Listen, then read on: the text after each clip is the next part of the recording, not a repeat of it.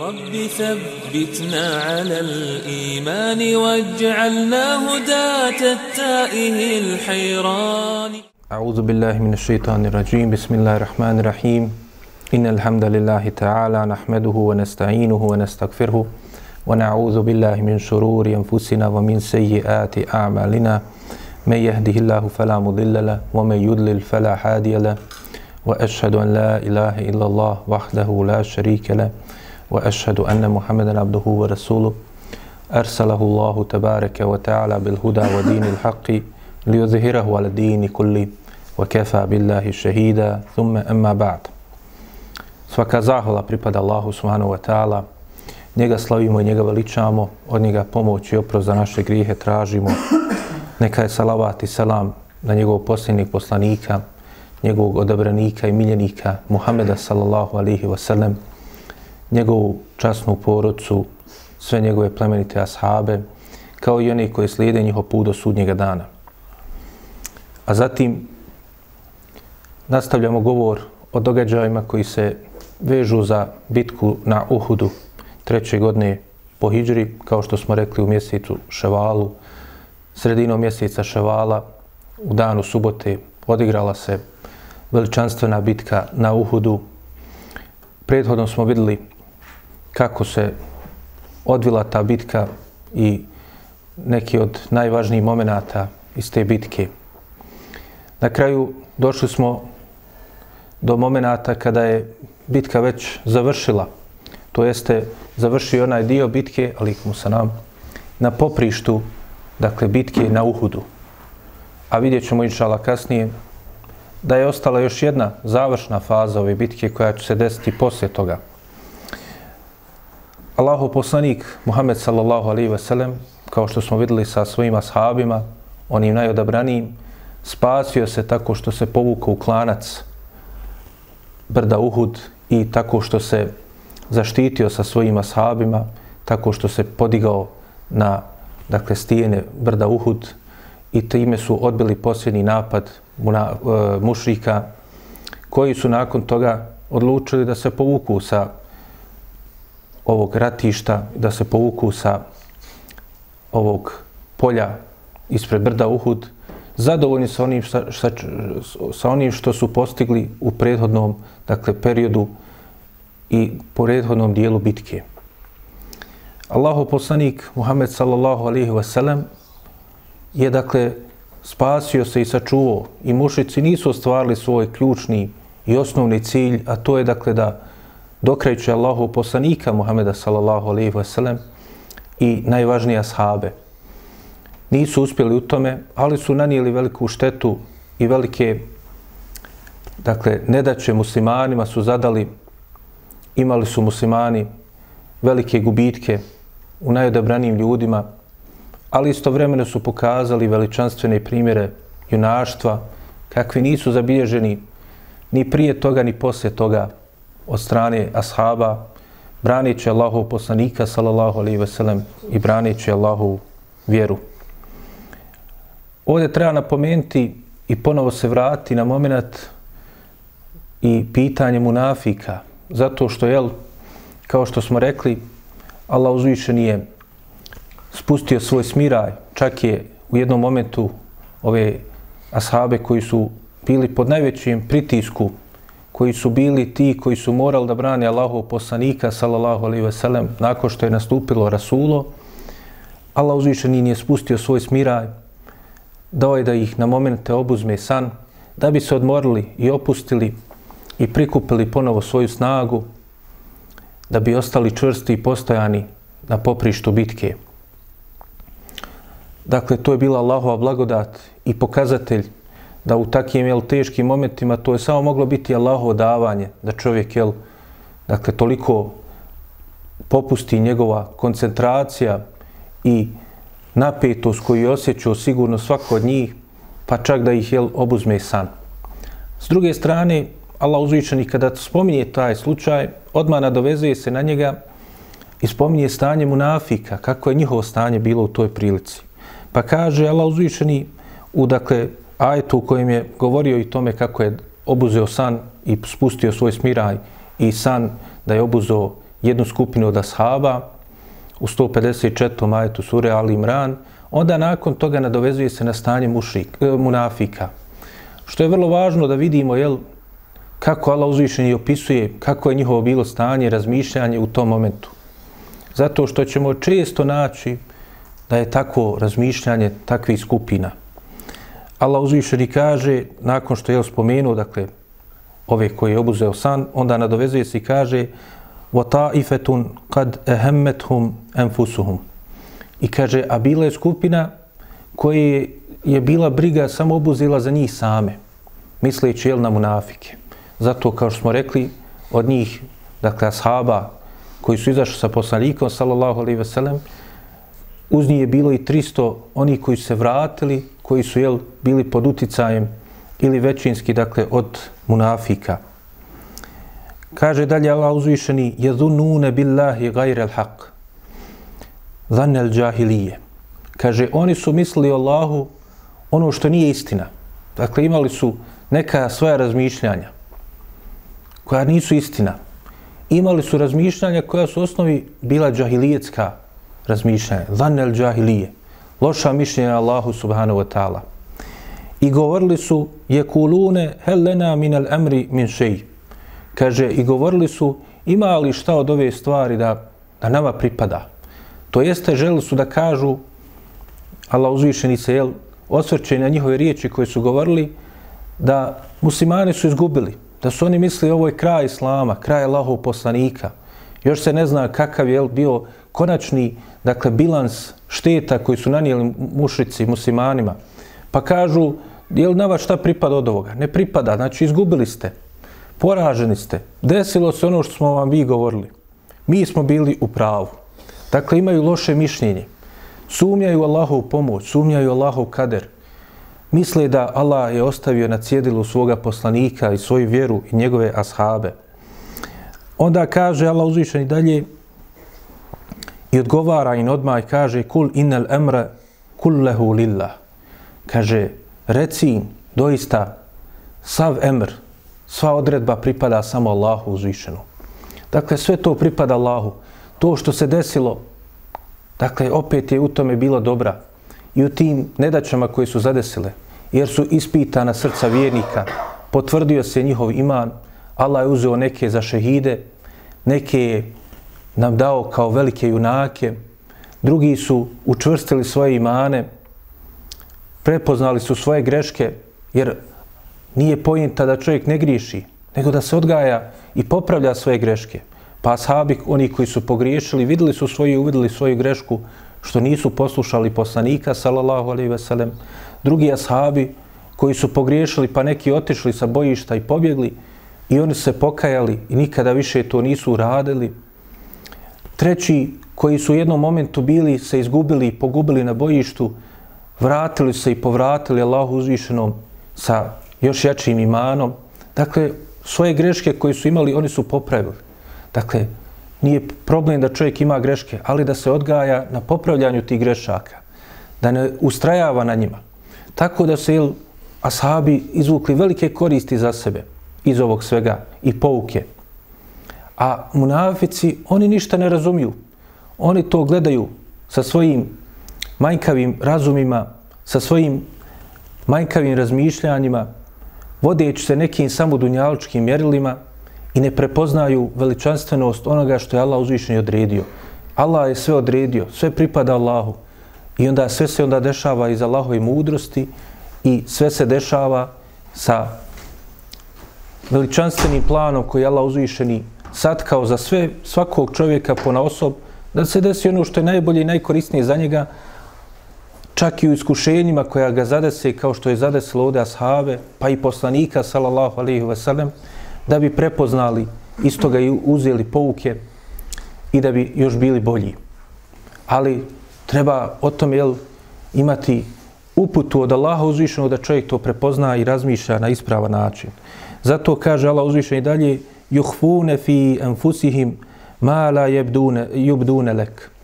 Kaže i oni kriju, kriju u sebi ono što tebi jel ne iznosi. To jeste kriju svoj nifak, svoje nevjerstvo koje su prekrili sa vanštinom imana, predstavljajući se kao muslimani, pravdajući se kad nešto urade, kao ovdje da se vrate i povrate trećinu vojske, da je to bilo opravdano, da je to imalo dakle, strateške E, dakle, koristi, da je to bilo vojno opravdano sa njihove strane i tako dalje. Dakle, nalaze razne dunjalučka opravdanja.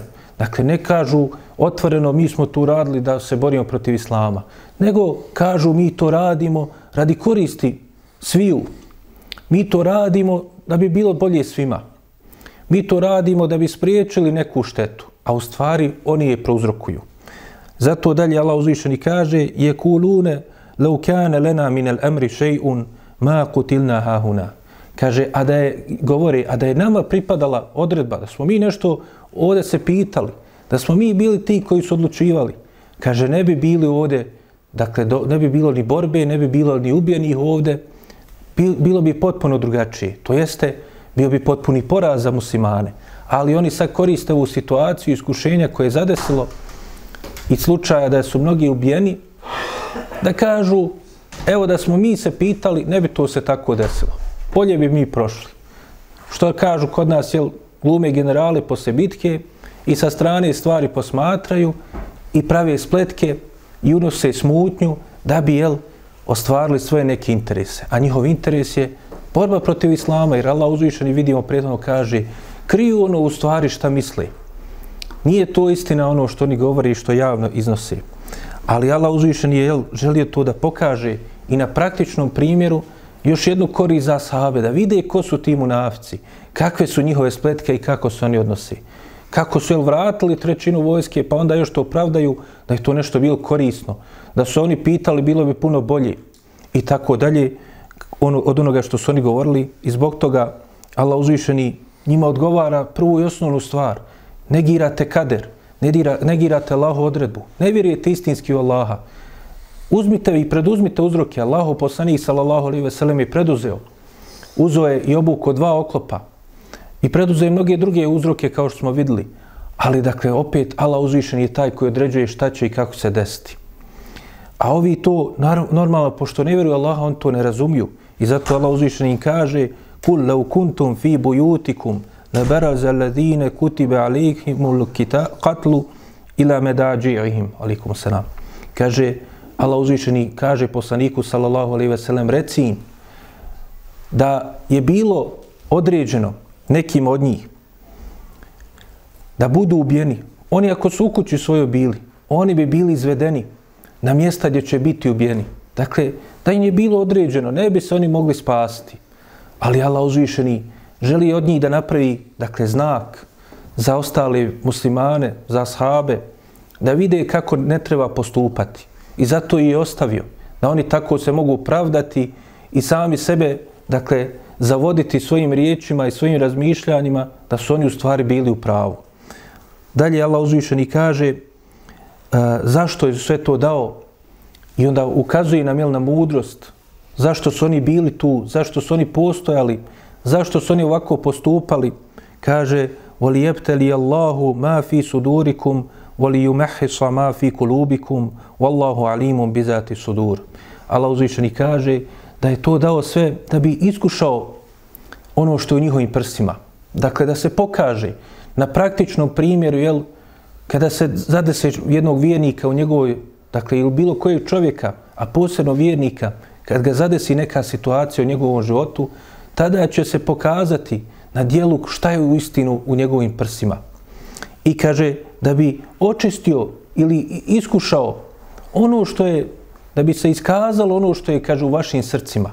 Dakle, ta ono što kažu u nas, jel, čisto mu srce, ali na dijelima ga nema nigdje. Radi suprotno od onoga što kaže da mu je čisto srce. Tako su i ovi govorili, da su vjernici u vanštinicu u mnogim stvarima pokazivali, ali kada su bile istinske situacije, kada je trebalo pokazati ono što je u prsima, iskazivo se njihov nifak. Jer Allah uzvišeni, kao što kaže na kraju, Allah zna ono što je u ljudskim srcima. Može se ti pretvarat, govorit ljudima, Ali na kraju Allah će te pokazati, prokazat, kao što je njih prokazao, dakle da se pokaže kakva je njihova uloga, šta će oni raditi i da onda muslimani jel, isto ga uzmu pouku i budu na oprezu od njihovih postupaka koje ćemo vidjeti da će kasnije postajati još, dakle, očigledniji i jasniji, dakle, u njihovom spletkarenju protiv muslimana. A mi molimo Allaha uzvišeno da nas sačuva, da budemo od ovakvih i da nas sačuva od svih oblika nifaka. Amin. Allahu poslanik sallallahu alaihi wa sellem nakon što je dakle sišao sa brda Uhud, nakon što je dakle već počela dakle da vojska se povlači e, onda je prvo jel pobrinuo se za oni ranjenike koji su bili sa njima. A on je kao što smo rekli bio prvi ranjen. Imao je dosta rana na sebi, dakle slomljen mu je zub, razbijeno mu je bilo i čelo i njegova jagodica, razbijena mu je usna, razbijena mu je bila kaciga, e, obruči neki od kacige su mu se zabili, bili u lice. Tako da je prvo što su, jel, krenuo je poslanik sa selem da brine o ashabima, a ashabi su prvo krenuli da brinu o njemu. Dakle, to još, dakle, odmah čim su silazili ili da kažemo već, dakle, do, nakon što su vidjeli da neće više nastaviti se borba dok su još bili na Uhudu, dakle, na brdu Uhud, da počeli su, jel, da brinu o poslaniku, sallallahu alihi wasallam, ashabi. Pa se spominje da je Alija radijallahu anhu prvi prišao da mu pomogne. Pa je također Ibn Hibban spominje da je onda došla njegova supruga, čirka Allahov poslanika, sallallahu alaihi sellem Fatima radijallahu anha, da pomogne, jel, svome babi sa svojim suprugom Alijom radijallahu anhu, da, dakle, uklone tu krv koja je oblila njegovo lice. A poslanik, sallallahu alaihi sellem kako je došao u hadisu kod Ibn Hibana, koji je u osnovi došao i kod Buhari i muslima i drugih, dakle, govorio je da se pojačala, kaže Allahova sržba na narod koji je okrvario lice njihovog vjerovjesnika i, i Allahovog poslanika, kao što su jel, oni okrvarili lice Allahovog poslanika Muhameda sallallahu alaihi wa sallam. U hadisu kod Buhari i muslima se spominje detaljniji opis toga, pa kaže se da je Fatima radijallahu anha zajedno sa još nekim drugim ženama došla, dakle, i prišla muslimanima da im pomogne, dakle, da pomogne ranjenicima. Pa je ona prišla Allahovom poslaniku, svome babi, da njemu pomogne sa njegovim ranama. Pa je, kaže, onda uzela vodu koja je bila u jednom od izvora tu na e, brdu Uhud i onda je, kaže, imao jedan svoj štit, alija koji je bio kožni, pa je napravio od njega, dakle, tako da bude kao posuda, da se more na njega, u njega uliti voda I onda je držao taj štit, a iz njega je, dakle, uzimala vodu Fatima radijallahu anha i ispirala rane Allahu poslanika, sallallahu alaihi wasallam. No, međutim, ona je vidla kako je ispirala rane Allahov poslanika, sallallahu alaihi veselem, dakle, da je krv još više počela da navire iz tih rana. Dakle, da je se pogršale te rane. Pa je onda uzela, kaže, jedan, jednu hasuru, kaže, uzela i spalila je i onda je, dakle, to stavila na tu ranu tako da je spali dakle da spriječi dakle da onda e, više e, krv ide iz tirana i onda je kaže ona stala prestala da ide krv iz rana Allahov poslanika sallallahu alaihi ve sellem dakle kao što smo rekli jel Allahovom poslaniku sallallahu alaihi ve sellem zadane su bile mnogo, mnogobrojne rane. I zato je Allah uzvišeni u povodu toga nakon što je rekao poslanik sallallahu alaihi ve sellem kako će uspjeti narod kojim je ranjen poslanik kojim je, koji je bio krlja okrvaljen, kojim je, dakle, čelo razbijeno, slomljen zub, a kaže, on je samo pozivao Allahu uzvišenu. Samo zbog toga su ga kaznili. Pa je Allah uzvišen objavio, lejsa leke minel emri šej. Dakle, ti se ni o čemu ne pitaš. To je sve Allahova odredba. Kao što kaže Hafiz ibn Hajar u tumačenju ovog hadisa, kaže, to jeste da se pokaže da je Allahov poslanik samo jedan od ljudi, Dakle, da nema nikakve božanstvenosti u njemu i da i poslanici i vjerovjesnici zadesa, zadesi ih isto ono što zadesi i ostale obične ljude. Dakle, da i oni trpe isto kao što su ostali trpili. Da je on bio samo jedan od ljudi među svim tim ashabima i da je trpio sve one jel, iskušenja i bolove koje su i oni trpili. Što jel, pokazuje onda opet, dakle, nije nikakva to onda njemu majkavost, nego je njegov pravi položaj, a u stvari, jel, pokazate njegove veličine, da je on sprem svoga imana jel, imao i najveća iskušenja od svih ashaba.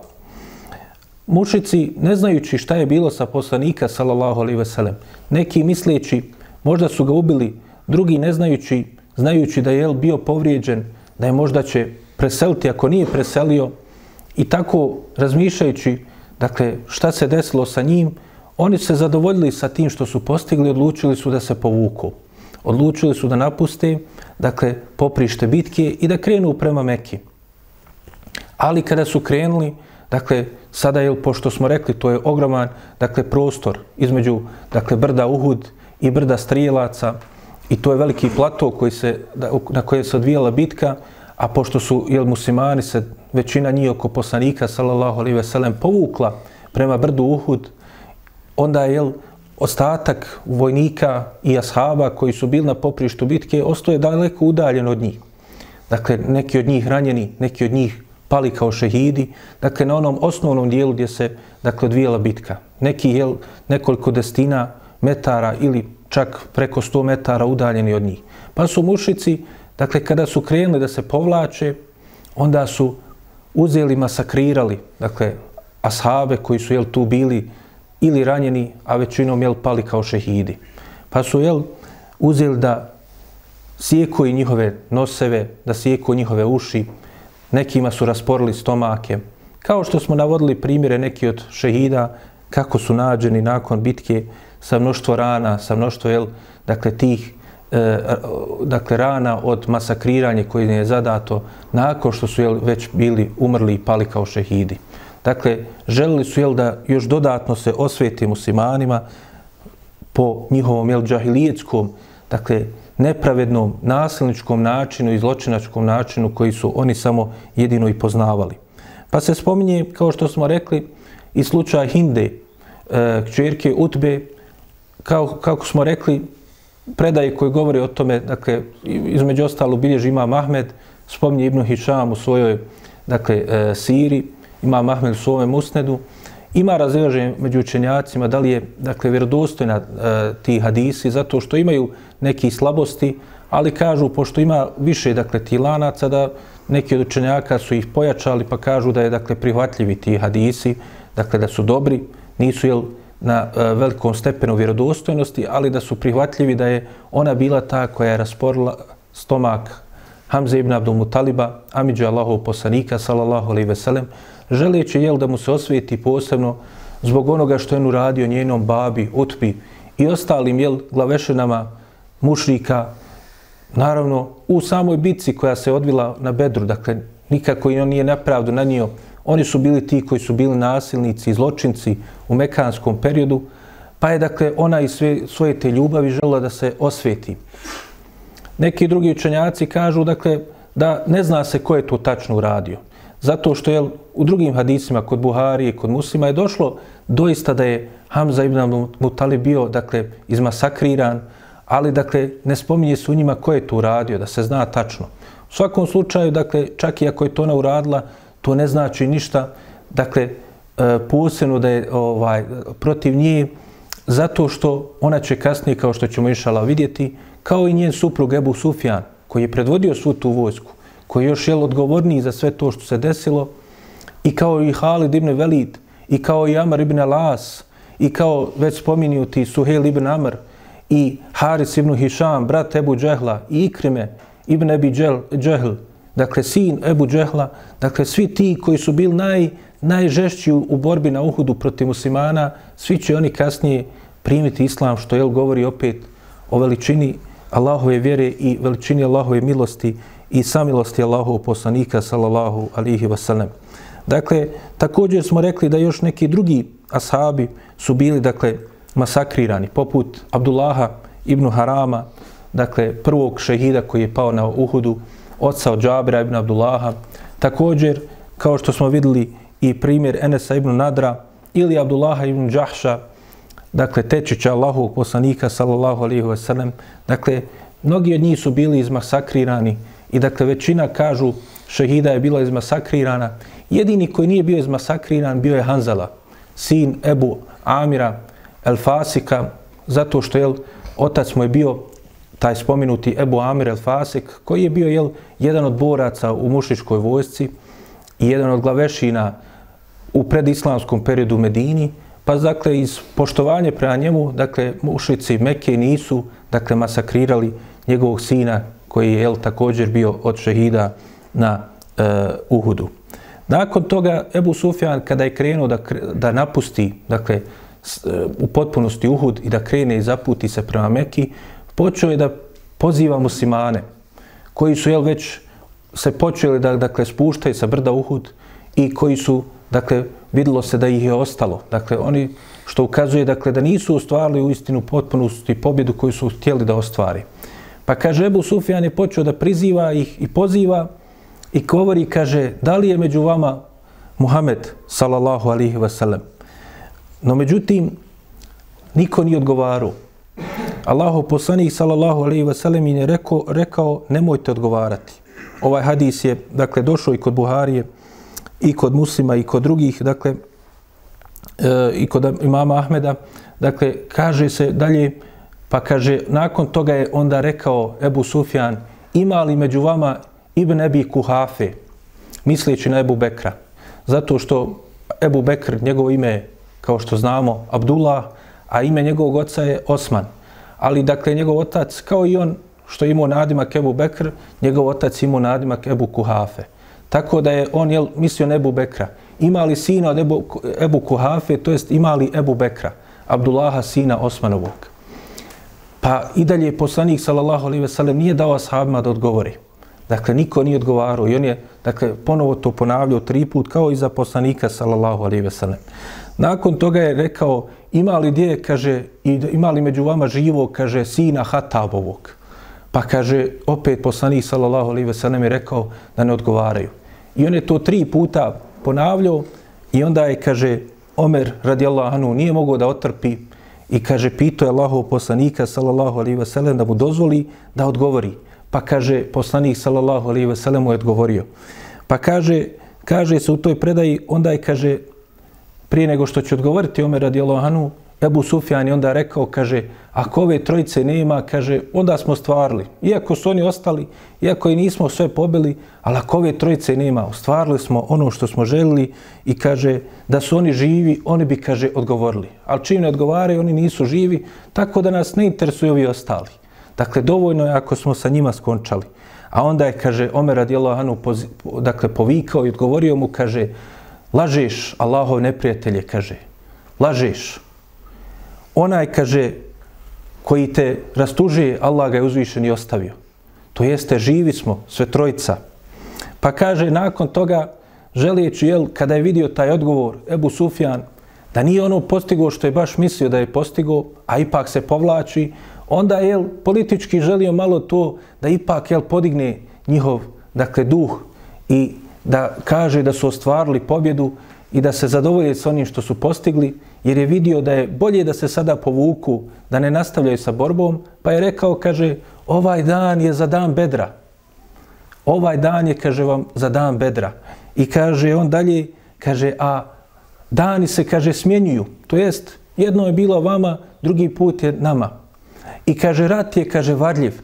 To jeste, neka pobjedi jedna strana, neka druga strana kaže, i tako da, jel nema veze, nek ste vi živi, ali mi smo ostvarili pobjedu. Vratili smo vam za bedr.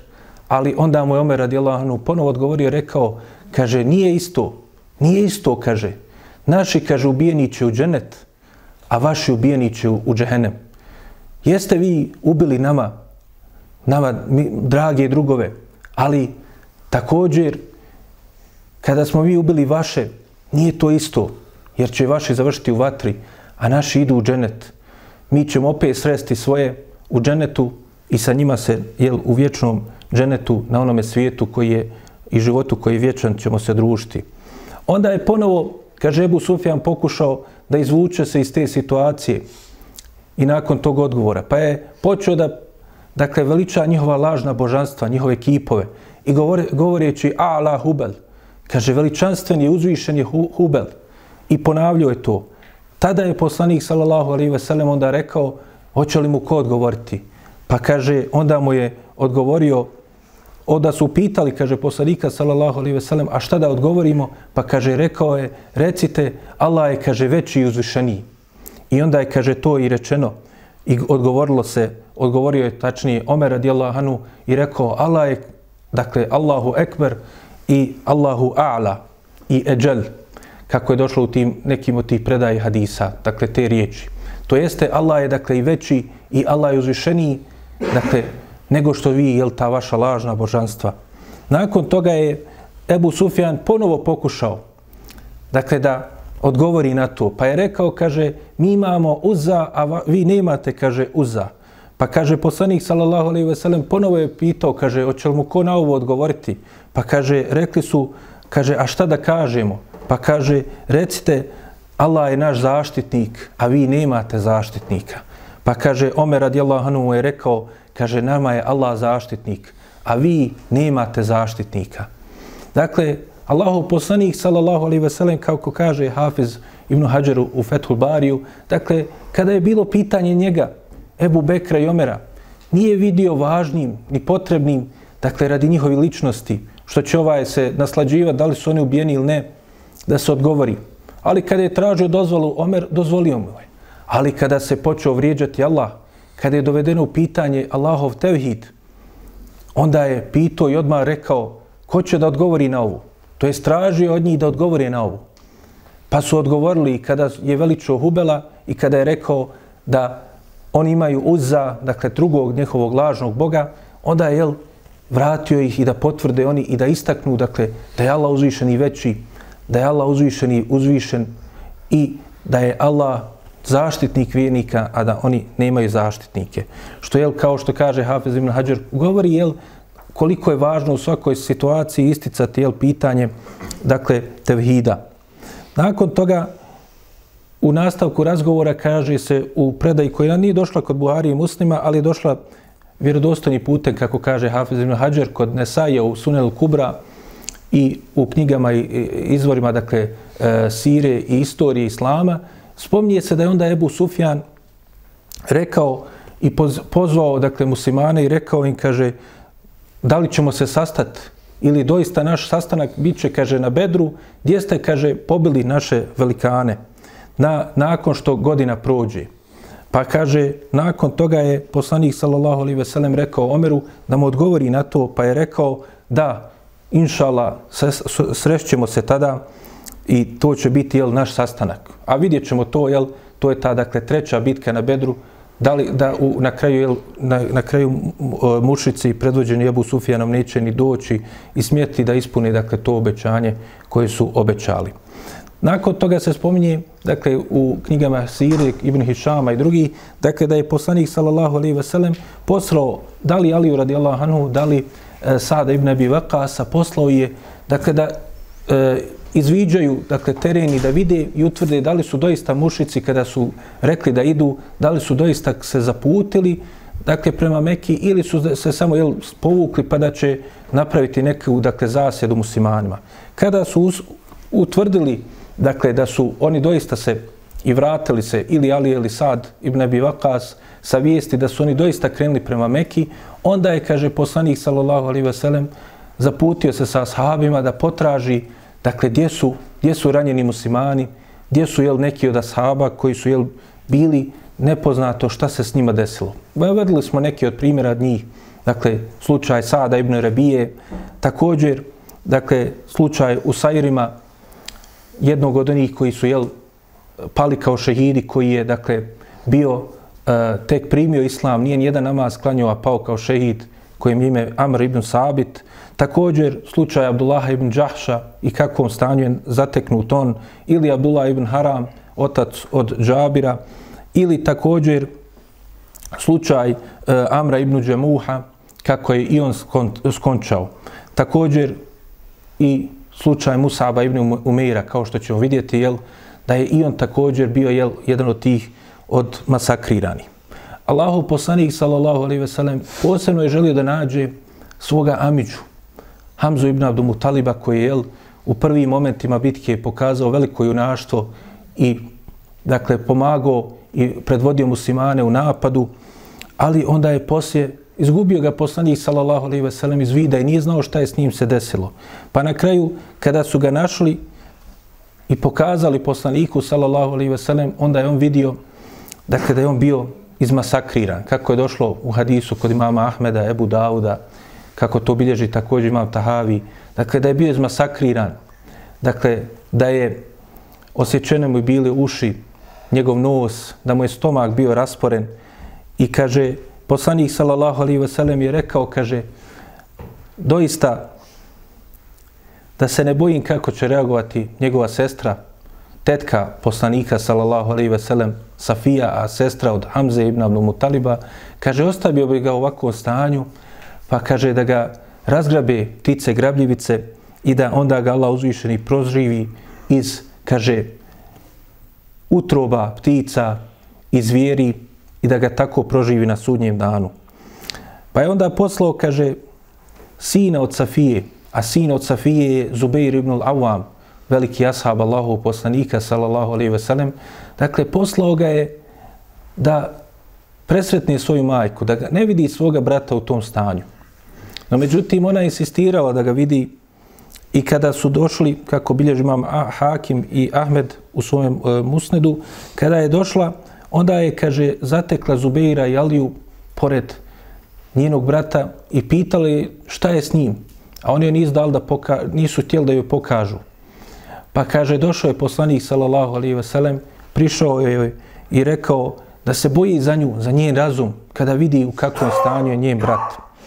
I onda je, kaže, uputio dovu za nju, stavio je svoju plemenitu ruku na njenog prsa, uputio Allahu uzvišenom dovu za nju i onda je nakon toga, kada je ona videla u kakvom je stanju njen brat, dakle, ipak je osaborila i, rekla, i nije rekla ništa ono što je ne bi priličilo, niti je naricala kao što je bio običaj, u predislamsko doba, zbog toga kako je zatekla svoga brata. A sahabi, kada su vidjeli kako su jel, izmasakrirani njihovi drugovi, samo zato što su Allaha subhanahu wa ta'ala vjerovali, rasrdili se zbog toga. I neki su bili obećali i zaklijeli se da će se osvetiti zbog toga. Pa kaže se u hadisu kod imama Ahmeda također i kod imama Nesaija, da su neki od njih rekli, kaže, tako nam Allaha, ako nam Allah uzvišeni pruži priliku, pa da mi njih pobjedimo, kaže, vidjet će oni kako ćemo s njima postupiti. To jest, kako ćemo im se osvetiti za ovo. Pa kaže se da kada je desilo se oslobođenje Mekke, da su neki to jel, tada htjeli da iskoriste i da urade. Pa kaže, Allaho poslanik sallallahu alaihi ve sellem je poslao glasnike da kaže, dakle, da, da se ljudi ne diraju, da svi imaju zaštitu, osim određenih pojedinaca. I da onda puste te ljude. A onda je, kaže Allah uzvišeni, to jest da puste ostale osim ti pojedinaca. A onda je, kaže Allah uzvišeni, objavio ajet u kojem kaže wa in aqabtum fa aqibu bi mithli ma uqibtum bihi. Kaže, ako budete kažnjavali, kažnjavajte samo onako kako ste bili kažnjavani. Dakle, nemojte prelaziti granicu. Pravedno, dakle, uzvrate. Nemojte biti ne, nasilni i nepravedni. A onda Allah uzvišen i dalje kaže وَلَا in sabartum la huwa khairun lis-sabirin. A kaže a ako saburite, ako otrpite, ako oprostite i prijeđete, to je bolje kaže za onih koji su saburli. Pa kaže poslanik sallallahu alejhi ve sellem je nakon toga rekao kaže kaže onda ćemo saburiti i nećemo ih kazniti. I dakle nije kaznio i rekao je ljudima pustite ih kako je došlo u hadisu kod imama Ahmeda i imama Nesaija i kaže se e, kaže imam Kurtobi da su učenjaci rekli da je ovaj ajet objavljen u povodu jel, oni koji su masakrirani na e, Uhudu pa kada su jel muslimani tijeli da se osvete. Jer nije lako to bilo dakle, otrpiti. Mnogi su izgubili svoje bližnje. Mnogi su izgubili, dakle, i neke koji su bili velikani među njima i koji su ubijeni nepravedno samo zato što su vjerovali Allaha subhanahu wa ta'ala. Ali su ashabi jel, pokazali veličinu i ponovo jel, pokazali tu muškost. Dakle, kao što smo rekli, dakle, da čovjek osaburi, otrpi, ne reaguje onako kako ga ponesu njegove strasti, da ne reaguje, dakle, onako kako kada je srdit razmišlja, to je istinska muškost. A nije muškost da čovjek u sržbi odgovori ponešen svojim strastima ili svojim emocijama, nego da odgovori onako kako je Allah uzvišen i najzadovoljniji sa tim. To je ta istinska muškost koju su imali ashabi, koji su jel, mo, mogli da otrpe to, da se suzdrže da ne odgovori na takav način. A to je jel, bio veliki, veliki udarac za njih. Izgubiti svoga oca, svoga sina, izgubiti neki od najvećih muslimana i onda poslije gledati kao braću u vjeri one koji su to radili u svome jel, predislamskom periodu i da ih smatraju sebi jel, jednakim, zato što je istina preča od svega drugoga. Dakle, Allahu poslanik sallallahu alejhi ve sellem nakon toga je naredio da se sakupe šehidi.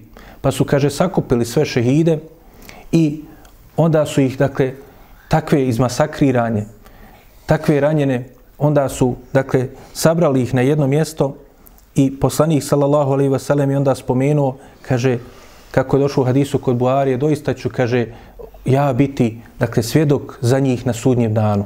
Za ono što su radili, jel, braneći Allahu subhanahu wa ta'ala vjeru i padajući ko šehidi, potvrđujući vjerovanje Allaha subhanahu wa ta'ala čak i svojim životima.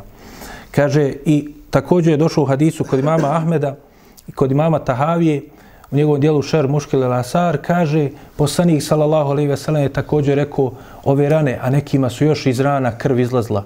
Kaže, na sudnji danu iz ovih rana će, kaže, izlaziti, dakle, izlazit će ta krv, boje će biti krvi, ali, kaže, miris će biti miris miska. I, kaže, one će svjedočiti za njih na sudnjem danu. Dakle, nakon toga je poslanik, sallallahu alaihi ve sellem, naredio, kaže, da se skine vojna oprema sa njih i da, kaže, u onoj odjeću koju se zatekli, i sa tim ranama koji su bili, dakle, bez gasuljenja, da se ukopaju, dakle, na Uhudu. Rekao je poslanik, sallallahu alaihi wasallam, kako je došlo, kaže, u, u, u, dakle, e, sahihu Buhari, kaže, ukopajte ih u njihovoj odjeći sa njihovim ranama, o, dakle, i sa ranama koji su, jel, oblile njihova tijela sa krvlju. I kaže, to će biti svjedočenje za njih na sudnjem danu. Nakon toga, učenjaci se razilaze da li je poslanik sallallahu alejhi ve sellem dakle nakon što su se složili kako kaže imam Begavi složili se na tome da nije niko gasovljen od njih sporije se da li je kaže ikome od njih klanjao poslanik sallallahu alejhi ve sellem dženazu jedni od učenjaka vodeći se opet jel svi sa hadisima u hadisu kod Buharije koji smo već spomenuli kaže se da su ukopani tako i ne spominje se da im je klanjanje dženaza dakle da će poslanik sallallahu alejhi ve sellem za njih da svjedoči na sudnji danu. To jeste nema potrebe za dženazom. U hadisu kod e, Ebu Davuda i kod imama e, Tahavije se spominje da oni kaže e, su nije, nisu gasuljeni i da su ukopani dakle u toj odjeći sa svojim ranama, sa svom krvi koja je oblila i kaže nikome nije klanjana dženaza. No međutim, kod imama Hakima i također kod imama Tahavije došlo dakle da je poslanik sallallahu alaihi ve sellem klanjao nekima dženazu. Pa jedno od tih hadisa se kaže, kaže klanjao bi po destorici. Stavio bi, kaže, svoga Amidžu Hamzu i doveli bi još devetorcu, poredali, pa bi inom klanjao dženazu. Pa bi, kaže, donijeli još devet drugih i ostavio bi opet Hamza ibn Abdul Mutaliba radi Allahanu, pa bi im klanjao dženazu. Ti hadisu i također, jel, učenjaci kažu da su prihvatljivi lanci prenosilaca. Također je došlo u drugom hadisu, kod imama Tahavi i kod Ebu Davuda, isto koji je dakle prihvatljiv dakle lanac prenoslaca, to jeste nije na velikom stepenu vjerodostojnosti, spominje se da je klanjao samo Hamza ibn Abdul Mutalibu dženazu, a ostalima nije. Zato učenjaci kao zaključak navode dakle da je poslanik sallallahu alejhi ve sellem dakle najvjerovatnije i osnova je dakle da nije klanjao dženazu i na to stavu su imami Ebu, uh, imami uh, Malik, Šafija i uh, Ahmed, a sa druge strane uh, imam Ebu Hanife, uzimajući ove hadise koji su došli, dakle da je klanjao Hamzi ibn Mutalibu ili uh, nekim drugim ashabima sa njim, kaže Ebu Hanife, isto imam Sufjane Sevri i Isak ibn Rahuje, dakle da je, uh, da je osnova da se klanja inđenaza. Ibnul Kajim je pokušao to spojiti i kaže, kaže da, su, da je ostavljeno da, na izbor na osnovu, jel, pošto imaju hadisi koji govori da nije klanjao nekima, da je jeste klanjao ili da je samo Hamza ibn Abnu Mutalibu, kaže to je ostavljeno je na izbor da li da se klanja dženaza ili ne. Ali, dakle, osnova je dakle, da za takve koji su pali kao šehidi, dakle, na ratištu i na bojištu, dakle, da je osnova, dakle, da njima, dakle, nema potrebe da se klanja dženaza. Oni su dovoljno sa tim svojim, dakle, E, šehadetom na lahom putu, na ratištu, na bojištu, dakle dovoljno je to da nema potrebe da se klanja dženaza. Imam e, Tahavi želeći odgovoriti zašto je samo u ovom hadisu došlo jednom koji je po njemu i po nekim drugim učenjacima dobrog lanca prenosilaca da je poslanik sallallahu alejhi ve sellem samo Hamza ibn Abu Talibu klanjao dženazu, kaže to je zato što poslanik sallallahu alejhi ve sellem je bio dakle ranjen i dakle bio je slab. Bio je dakle u teškoj situaciji, dakle zdravstvenoj, nakon sve te borbe i nije imao snage dakle da klanja ostalim dakle dženazu. Pa je klanjao svome samo Amidži, dakle, a onda više nije imao mogućnost snage, fizički nije mogao više ništa da uradi, pa čak jel, ni da klanja dženazu ostalima. Dakle, na taj način odgovara, jel, imam tahavi, zašto je klanjao, dakle, eh, Hamza ibn Talibu, ako uzmemo, jel, da je to, dakle, vjerodostojno. Nakon toga, je sahabi se požali Allahovom poslaniku, sallallahu alaihi wasallam. Dakle, šta da radi sa tokim ubijenim? A kaže se da je bilo najmanje 70 ubijeni, kako je došlo u vjerodostojnim hadisima i kod Buhari i kod drugih, a čak u nekim dakle, predajama se može razumjeti i pobrajajući se sve one koji su ubijeni dakle, i koji se vežu da su ubijeni na Uhudu, neki su čak 108 ashaba pobrojali da su bili od onih koji su ubijeni na Uhudu. U svakom slučaju, jel, poznato je i osnove da je bilo 70. To jest, 70 mušnika je ubijeno na Bedru, a oni se osvetili što su ubili 70 ashaba na Uhudu. Da je većina bila od Ensarija, u nekim predajima je došlo, kako kaže Bera ibn Azib i Enes radijallahu anhu, da je bilo 70 i oni kažu od Ensarija. Zato iz tih predaje razumiju neki od dakle, učenjaka da je bilo još više od drugih, to jest od muhađira. Ali u nekim drugim predajama se razumije dakle, u okvir ti 70 da je bilo i šest muhađira koji su bijeni, a to su jelovi već spominuti Hamza ibn Abu Mutalib, Musa ibn Umeir, također Abdullah ibn Džahš e, i Šemas ibn e, Usman. Dakle, spomnju se još neka dvojica oko čiji imena se razilaze, dakle, koji su jel, sve to bili. Pa kaže ashabi kako je došlo u hadisu kod imama Ahmeda, požal sa Allahom poslaniku sallallahu alaihi veselem na nemoć. Mnogi su bili ranjeni. Ne mogu ići, dakle, da nose tijela. Ne mogu lako ni kopati. Pa su zamolili da li mogu da ukopaju više u jedan kabur. Dakle, nemaju više snage. Pa mogu li da iskopaju kabur za dvojicu ili trojicu da ih stave? Pa je poslanik, sallallahu alaihi wasallam, dozvolio i rekao, kaže, iskopajte i proširite kabur tako da može i više jel, stati u njega. Pa kaže se, jel, da ono, kaže, koji bude učeni, dakle, u Kur'anu i koji bude više poznavao Kur'an, da mu se dadne prednost, a dakle da ih se stavljalo po dvojicu, pa čak i po trojicu u nekim prodajama, se razumije, dakle, u kabur. Pa tako je Allaho poslanik, sallallahu alaihi ve sellem, dakle, dozvolio, dakle, da se u kefine stavi više od jednog čovjeka i da se u jedan kabur stavi, dakle, više od jednog čovjeka. A onda su stavljeni, između ostalo se spomni Abdullah ibn Haram, da je stavljen zajedno sa Amrom ibn Džemuhom. Dakle, oba dvojica su bili otprilike vršnjaci, pa su jel bili od starijih ljudi i onda su bili također i veliki prijatelji za života, pa je, dakle, Allahu poslanik, sallallahu alaihi ve sellem, rekao da se stave zajedno. Džaber ibn Abdullah kaže, kaže, zajedno sa mojim babom, kaže, stavljen je i moj Amidža. Kažu učenjaci, on je, dakle, iz poštovanja prema Amru ibn Džemuhu, Dakle, nazivo ga svojim amidžom, to jeste zato što je bio vršnjak njegovog babe i smatru ga, jel, kao da kažemo, e, da je bio mu na položaju kao da mu je amidža. Tako da su oni zajedno, kaže, stavljeni u kabur. Također, Allaho poslanih, sallallahu alihi wasallam, je rekao da Hamzu ibn Abdul Taliba stavije zajedno u kabur sa Abdullahom ibn Đahšom. Pa se spominje u predaj kod Ibn Sada o njegovim tabekat, Kod Ibn Hišama također to smatra da je dostanim Hafiz Ibn Hajar.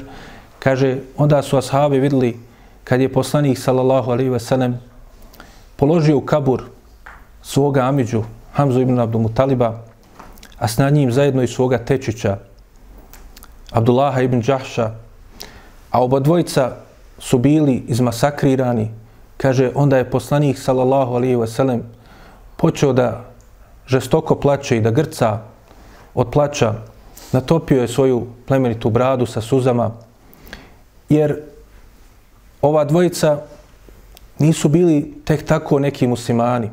Bili su od prvih muslimana, od prvih ashaba Allahovog poslanika, sallallahu alihi wasallam, a još usto bili su mu bliži rod.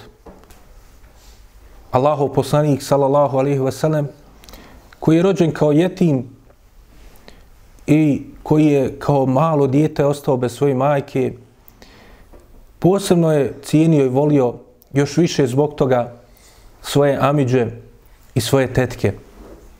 Pa kaže, naravno, kao što smo videli kako mu je teško bilo kad mu je Amidža Ebu Talib preselio, a ne želijeći da primi islam, zamislimo kako mu je teško bilo kada je morao da položi u kabur svoga amiđu Hamzu ibn Abdu Mutaliba, a on sav izmasakriran. I još usto bio mu je vršnjak i otprilike su bili istih i sličnih godina, pa je bio veliki prijatelj sa njim.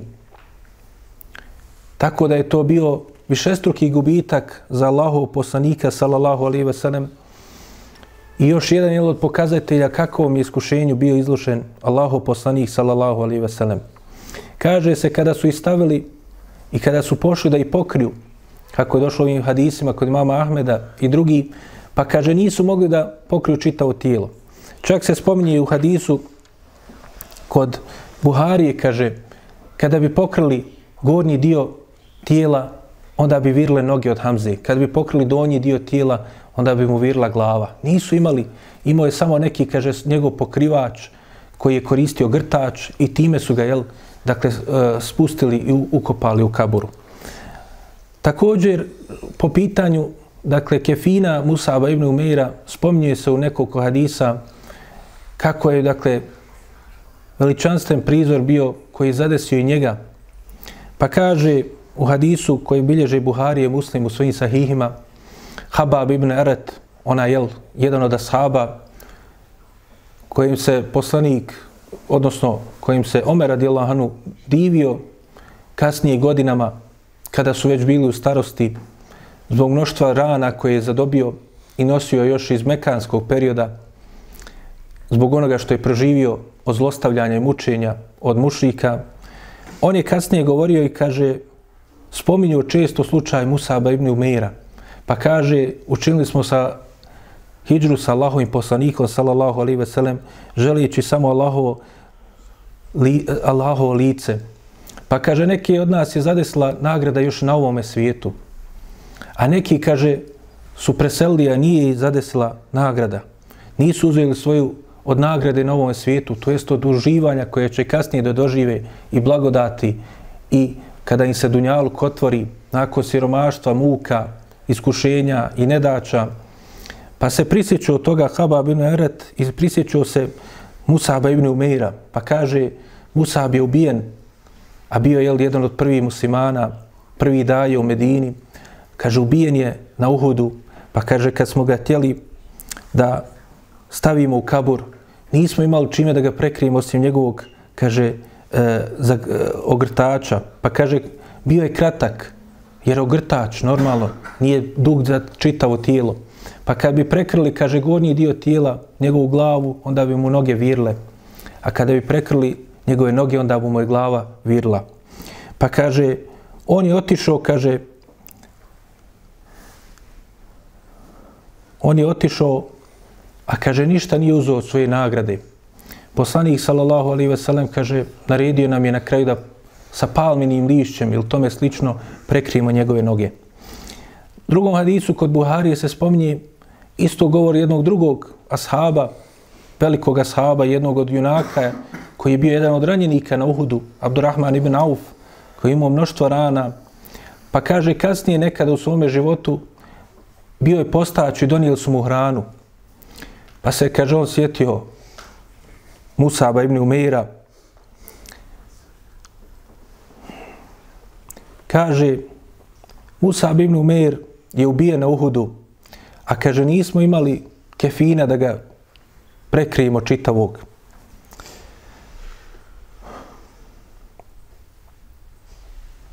Pa kaže, vidim ovo od Unjaluka što nas je zadesilo, što nam je Allah uzvišen i otvorio, A kaže, bojimo se da nam Allah uzvišeni nije ubrzao nagradu na ovome svijetu. Bojimo se, kaže, da neće ništa ostati za onoga svijeta.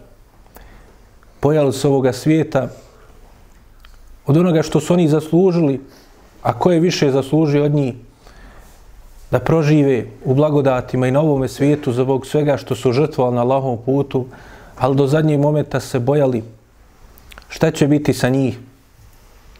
A Abdurrahman ibn Auf još Allahov poslanik sallallahu alaihi ve sellem za života mu je obećao zbog mnogovih, mnogobrojnih dobrih dijela, dženet, ali bojao se i pitao se kako će on završiti.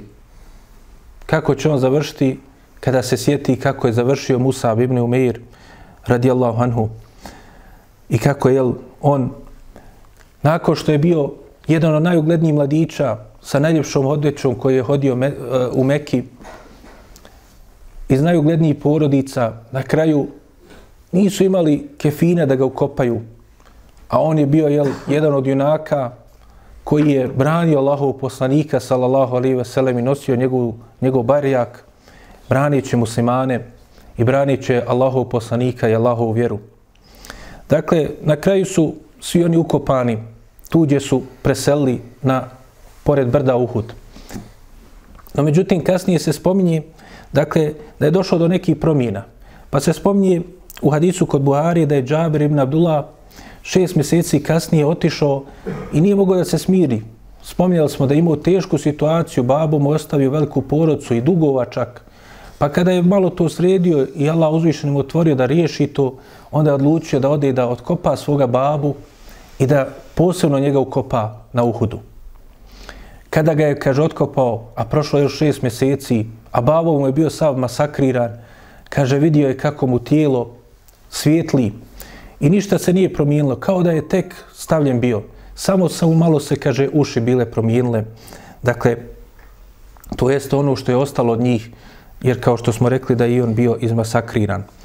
U drugom hadisu, kod Ibn Sada, a i kod imama Malika o njegovom uveti, se spominje da je ponovo došlo do neke promjene. To jeste da je 46 godina kasnije u hilafetu Muavije, sina Ebu Sufjana, radijallahu anhuma, došlo do poplave, pa je, kaže, voda se slila sa Uhuda, tako da je tijela da je otkrila, tako da su, jel, pošto je to plitak teren, pustinski, da su neka tijela se ukazala između ostalog i tijelo Abdullaha ibn Harama. Pa kaže, Džabir ibn Abdullah je došao i kaže, ukazalo se sad tijelo i njega i opet je bio zajedno. Dakle, iako je ga on otkopao, ponovo kaže kako je dakle, ta voda išla, zajedno su bili on i Amar ibn, uh, ibn Džemuh, koji su zajedno bili na Dunjaluku, zajedno bili ukopani. Ponovo se bili sastavili i kaže, njihova tijela ništa nisu bila promijenjena. 46 godina je prošlo. I kaže, nakon toga je također Muavija radijallahu anhu rekao i naredio, dakle, pošto je želio da iskopa jedan izvor tu pored koji je bio, dakle, e, e, dobar izvor, kaže, naredio da se malo pomire, pa su oni pomjereni i danas dan se nalaze na tom mjestu gdje su pomjereni još u hilafetu Muavije ibn Ebi Sufjana. Ovdje ćemo, išala, zastati moleći Allaha subhanahu wa ta'ala da nam poveća ljubav prema Allahom poslaniku i njegovim ashabima, da nas se smili i oprosti grijehem, molimo ga subhanahu wa ta'ala i da pomogne muslimana na svakom mjestu, olakšaje njihova iskušenja, popravi njihovo stanje, odakna od nas spletke nevjernika i spletkaroša. Amin. Subhanakallahu wa bihamdike. Ešhedana ilaha ila, ila ente stakruke tublik. يا رب ثبتنا على الإيمان واجعلنا هداة التائه الحيران